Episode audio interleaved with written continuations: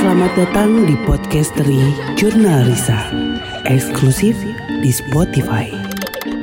Download Anchor.fm untuk membuat podcast gratis.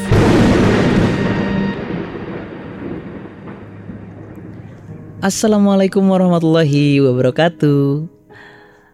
Halo semuanya, selamat malam. Selamat datang di Podcastery Jurnarisa Eksklusif di Spotify. Halo selamat malam semuanya, apa kabar? Semoga kalian semua sehat selalu ya. Dan selalu dikelilingi sama orang-orang yang bisa bikin kalian seneng Yang bisa bikin kalian bahagia. Apalagi di masa-masa pandemi ini yang nggak yang nggak beres-beres. Yang nggak tahu kapan beres. Ya semoga aja secepatnya terlewati ya sedikit aneh sih dengar suara saya yang agak-agak cempreng ini ya tapi hitung-hitung sambil kenalan juga sama teman-teman semua terutama fans jurnalis yang terutama fans Junarisa yang udah ngikutin banget Junarisa dari awal. Sebelumnya kenalin saya Robi Julianto. Biasa dipanggil Obi sama teman-teman Junarisa yang lain. Salah satu tim behind the scene-nya Jurnarisa. Biasanya kalau di Jurnarisa saya kebagian tugas buat ngurusin bagian konsumsi tuh berupa makanan, minuman buat teman-teman jurnalisa terutama yang saat itu ikut syuting. Jadi kalau kalian penonton setia jurnalisa di YouTube pasti sedikit ngeh mungkin. Yang waktu itu pernah diminta Teh Risa buat ikat tali pocong. Tapi saya nggak bisa ngikatnya karena Jujur waktu itu saya nggak bisa ngelihat apa yang dilihat sama tim yang lain, terutama Teh Risa.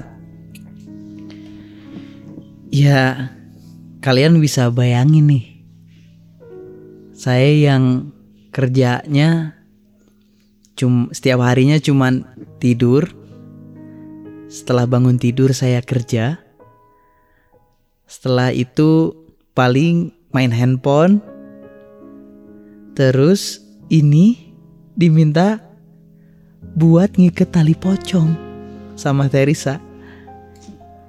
Hal yang menurut saya agak-agak ekstrim sih. Maksudnya semenyeramkan itu.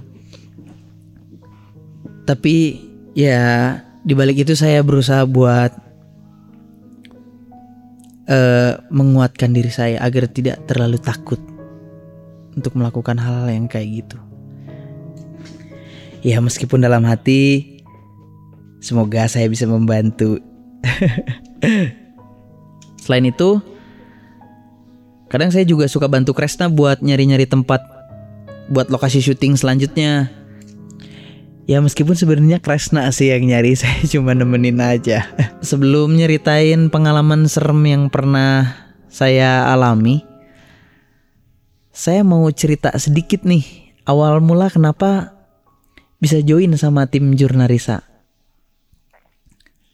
Jadi awalnya karena Teresa yang nyaranin saya buat gabung sama tim Jurnarisa. Katanya kekurangan orang buat tugas-tugas yang tadi. Nah, disampaikan ke Kak Dimas. Katanya perlu orang buat handle pekerjaan itu. Nah besoknya saya ketemu sama Kak Dimas di tempat kerja kita di Ardan Radio. Jadi selagi sarapan, Kak Dimas cerita katanya Teresa minta saya buat jadi tim jurnal. Nah karena itu jadi saya nggak pikir panjang, jadi saya mengiyakan buat join sama tim jurnalisa. Kalau ada yang nanya nih, Obi sebagai apa nih di Ardan? Nah, saya sebagai operator waktu itu di Ardan. Jadi otomatis ketemu tiap hari sama Kak Dimas. Karena Kak Dimas kan penyiar yang udah lama banget nih ngisi acara di Ardan. Biasanya saya juga suka ngerjain kerjaan kerjaan editing audio gitu di Audio Nightmare site terutama buat di buat diposting sama teman-teman Ardan Radio di Instagram story mereka. Jadi rasanya kayak jadi rasanya merinding gitu sih kayak ngedit audio Nightmare Side. Jadi denger cerita-cerita yang dibawain sama Kak Dimas tuh yang feelnya kan dapat banget. Jadi bikin suasana makin semakin mencekam, semakin serem. Mana ngeditnya juga malam kan. Di kantor biasanya cuma ada Kak Dimas, Mas Tuy, dan saya sebagai operator. Jadi biasanya cuma bertiga tuh. Kalau di Ardan kalau pas Nightmare Side. Lampu-lampu di Ardan dimatiin semua biar makin creepy. Nah, kan kerjanya saya shifting ya kalau sebagai operator. Kadang saya suka kebagian kerja malam. Beberapa hal yang serem pas kerja sering banget sih saya ngalaminnya. Yang sering banget itu kayak kursi ngegeser sendiri, radio nyala sendiri. Jadi di Ardan itu ada radio di satu ruangan gitu yang suka nyala sendiri. Padahal sebelumnya udah ditinggal tuh, ditinggal sama yang punya ruangan itu udah ditinggalin mati tuh radionya. Tapi malam itu radionya nyala sendiri. Terus saya cek kan ke ruangan itu ada orang nggak nih di ruangannya. Ketika saya cek ke ruangan itu, ternyata di ruangan itu nggak ada siapa-siapa. Akhirnya saya matiin radio itu, terus saya turun lagi ke lantai bawah. Yang biasa saya diem, yang biasa saya uh, operatoran gitu di bawah. Jadi radionya itu ada di lantai kedua. Nah, ruangannya itu ada di lantai kedua, saya ada di lantai ke satu. Nah, setelah saya lagi ke bawah, ke lantai satu, nggak lama kemudian itu radionya nyala lagi radio itu nyala lagi.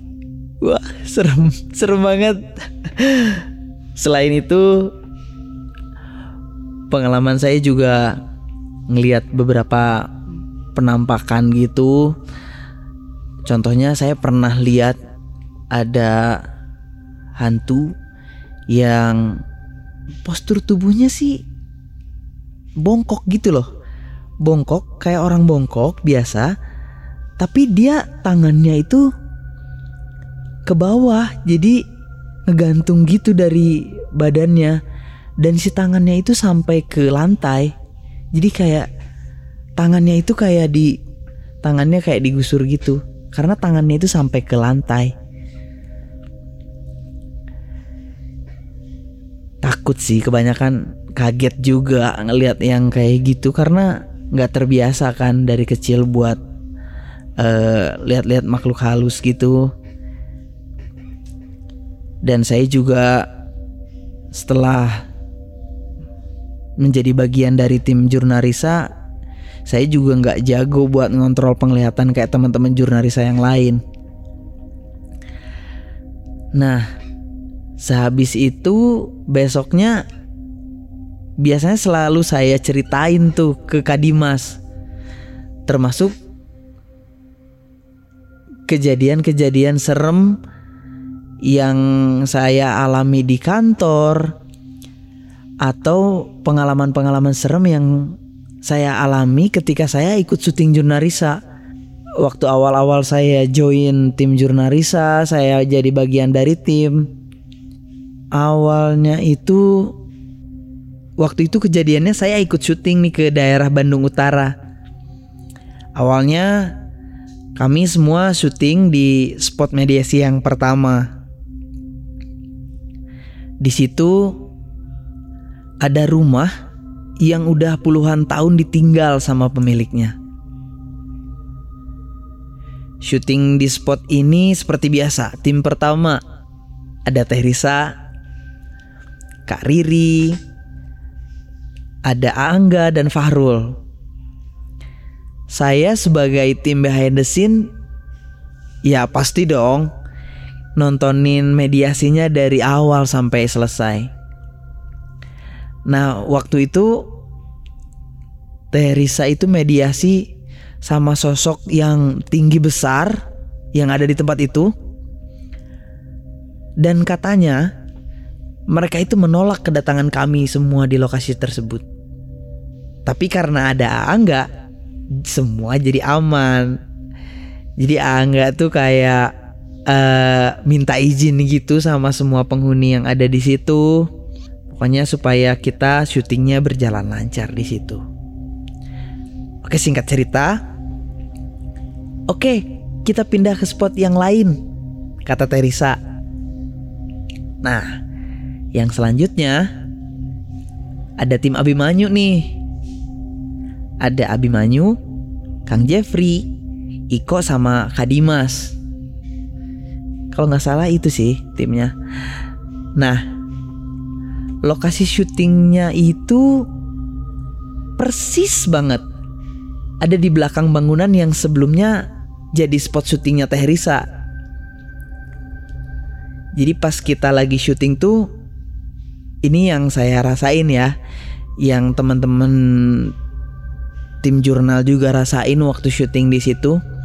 Jadi kita itu kayak ada yang ditimpuk kayak kita ditimpukin sama batu-batu kerikil gitu ke genteng.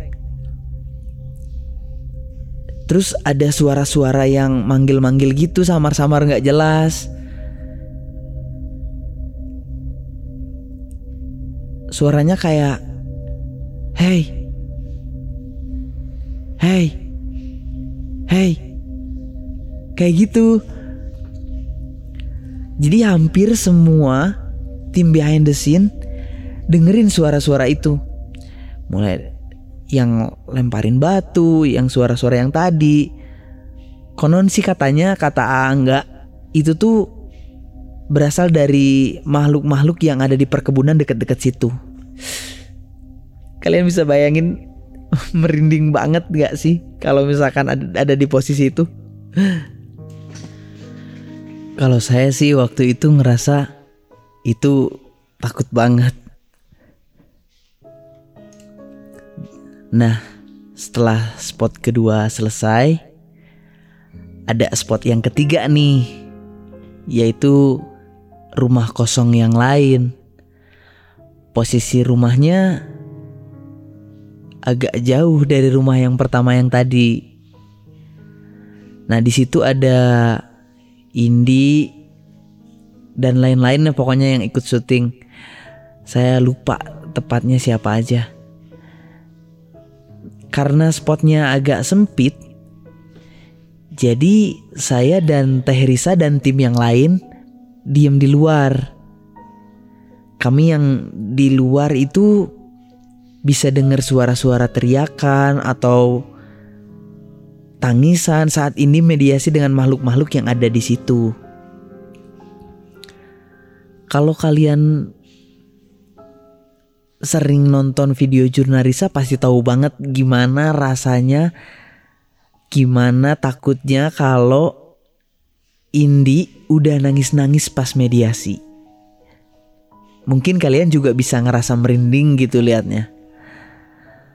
Nah, setelah itu kami pindah lagi spotnya ke spot yang selanjutnya. Di situ spotnya adalah bangunan bekas pondok pesantren. Teh Riri dan yang lain mediasi seperti biasa di pondok pesantren itu. Itu katanya juga udah lama banget pondok pesantren itu kosong dan gak pernah dipakai lagi karena pernah tanahnya itu di situ kerendam sama air gitu. Jadi kayak kebanjiran gitu sih tempatnya. Ketika hujan gede itu tempat itu tuh selalu banjir.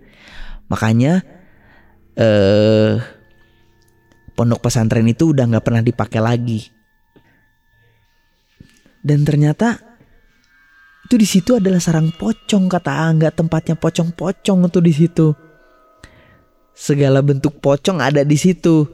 Yang dari yang tinggi yang pocongnya kayak biasa yang kalian biasa lihat di film-film gitu yang mukanya kelihatan jelas atau yang hitam kayak kebakar gitu. Pokoknya ada di situ katanya. Selagi saya ngikutin teman-teman syuting saya di samping Kadimas waktu itu. Jadi awalnya Kadimas itu menggambar sosok-sosok yang ada di tempat itu. Biasanya kan Kadimas ngegambar di iPad tuh Kadimas ngegambarnya jadi beberapa menit Kadimas menggambar tiba-tiba Kadimasnya itu diem nggak ngegambar lagi. Jadi kayak udah selesai gitu ngegambarnya. Dan saya juga nggak ngeh waktu itu kalau Kadimas tuh udah selesai atau belum nih ngegambarnya. Alih-alih selesai ngegambarnya ternyata Kadimas itu belum selesai juga nih ngegambarnya belum selesai semua nih ngegambarnya. Ternyata Kadimas itu kerasukan pocong saat itu. Kadimas yang nunduk kayak yang ngantuk gitu kayak nahan ngantuk. Kalian biasa nunduk gitu nggak sih? Kayak nunduk gitu karena ngantuk. Jadi saya kira Kadimas itu ngantuk dan ketiduran. Taunya pocong itu yang bikin Kadimas nggak bisa bergerak ketika dipanggil-panggil juga Kadimas nggak ngejawab setelah itu Kak Dimas langsung disamperin nih sama Teh Risa sama tim yang lain juga sama Angga. Kak Dimas katanya minta-minta tolong dan teriak-teriak. Kalian bisa bayangin aja teriak-teriak minta tolong tapi karena kita nggak tahu kalau Kak Dimasnya kerasukan, akhirnya kita jadi nggak bisa denger Kak Dimasnya. Jadi, nah abis itu Kak Dimas tuh kayak dinetralisir gitu sama Angga. Aku udah minta tolong teriak-teriak tapi nggak bisa. Kayak ketutup gitu mulutnya. Nah Kak Dimas tuh bilang kayak gitu. Wah. Di situasi yang kayak gitu tuh makin-makin nyeremin kondisinya. Tempatnya lembab dingin pohon-pohon tinggi. Dan saya sama tim yang lain tuh uh, setiap pindah spot atau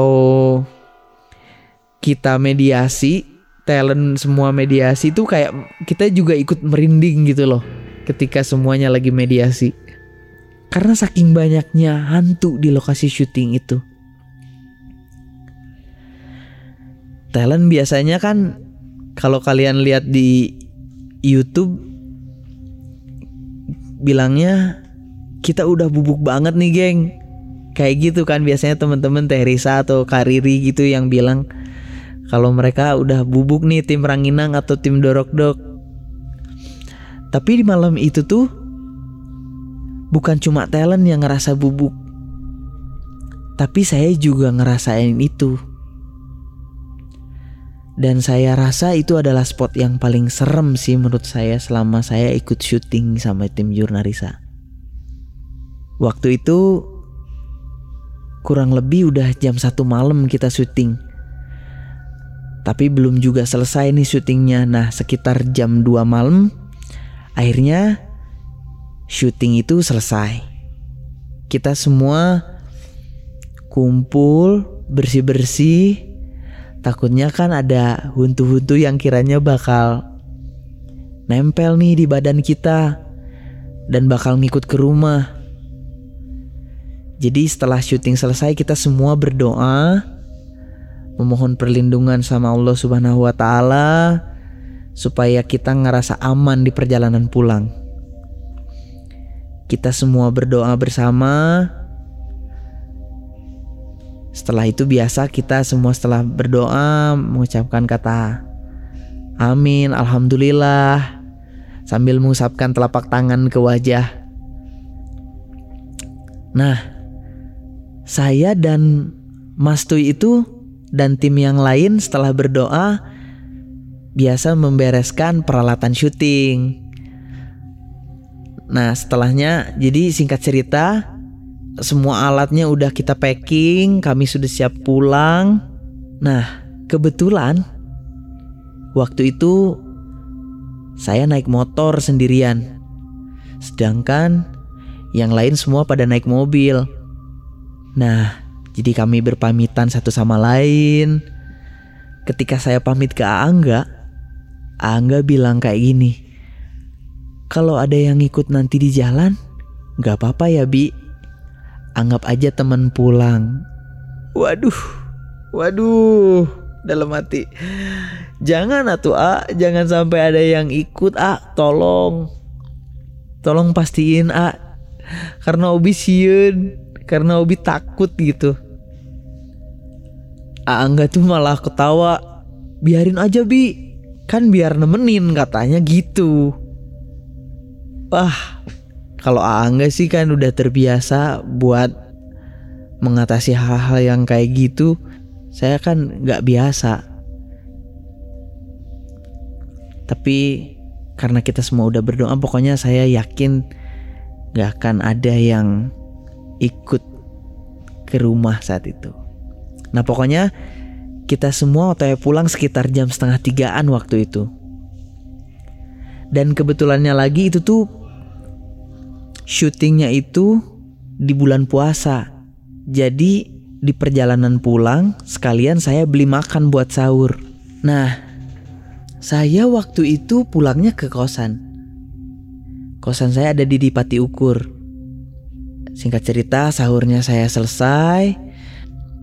Saya berniat buat tidur.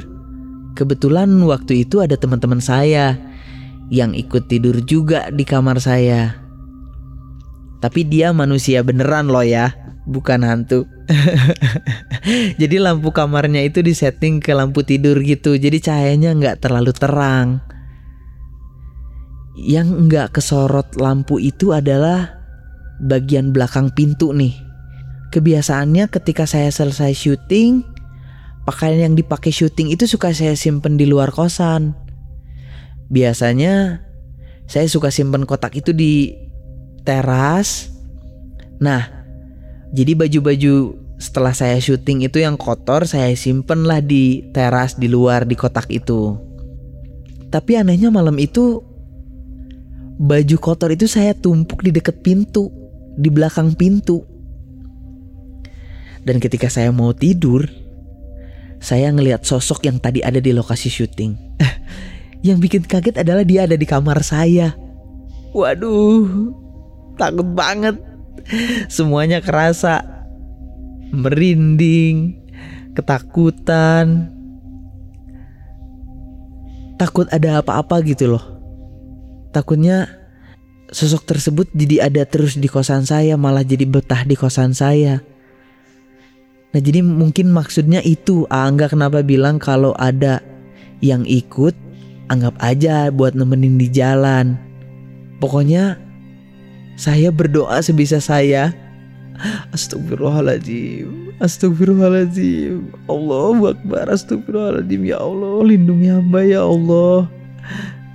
Pokoknya saya ketakutan. Saya baca doa sebisa saya Dan nutup mata. Merem aja pokoknya.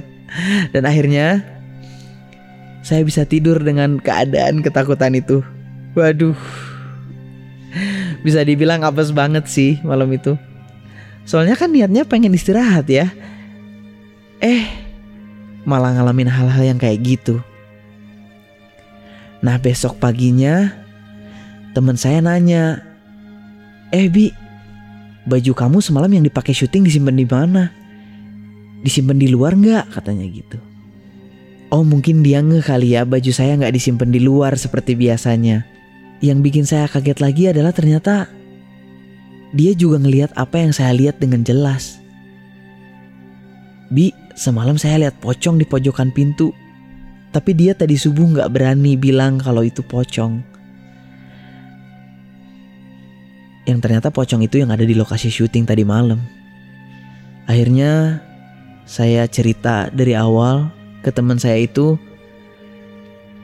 dia bilang coba bi ke Angga atau teman-teman jurnalis saya yang lain memastikan kalau dia nggak stay di kosan, takutnya mengganggu terus-terusan.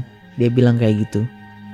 Siang harinya saya ketemu nih sama Abimanyu di tempat kerja. Karena kebetulan Abimanyu juga mau siaran waktu itu. Kata Abimanyu pocong itu udah nggak di kosan. Alhamdulillah. Uh, mungkin dia udah balik lagi ke tempatnya di Bandung Utara sana yang di tempat bekas pesantren itu. Wah, itu sih mengerikan banget buat saya. Ngelihat pocong sedekat itu. Waduh, kalian bayangin deh takutnya. Pelajaran yang saya ambil dari kejadian itu adalah jangan pernah males lagi buat nyimpen pakaian bekas syuting di luar kamar.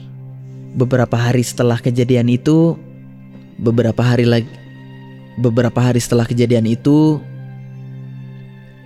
saya ketemu lagi dengan teman-teman jurnalis saya yang lain.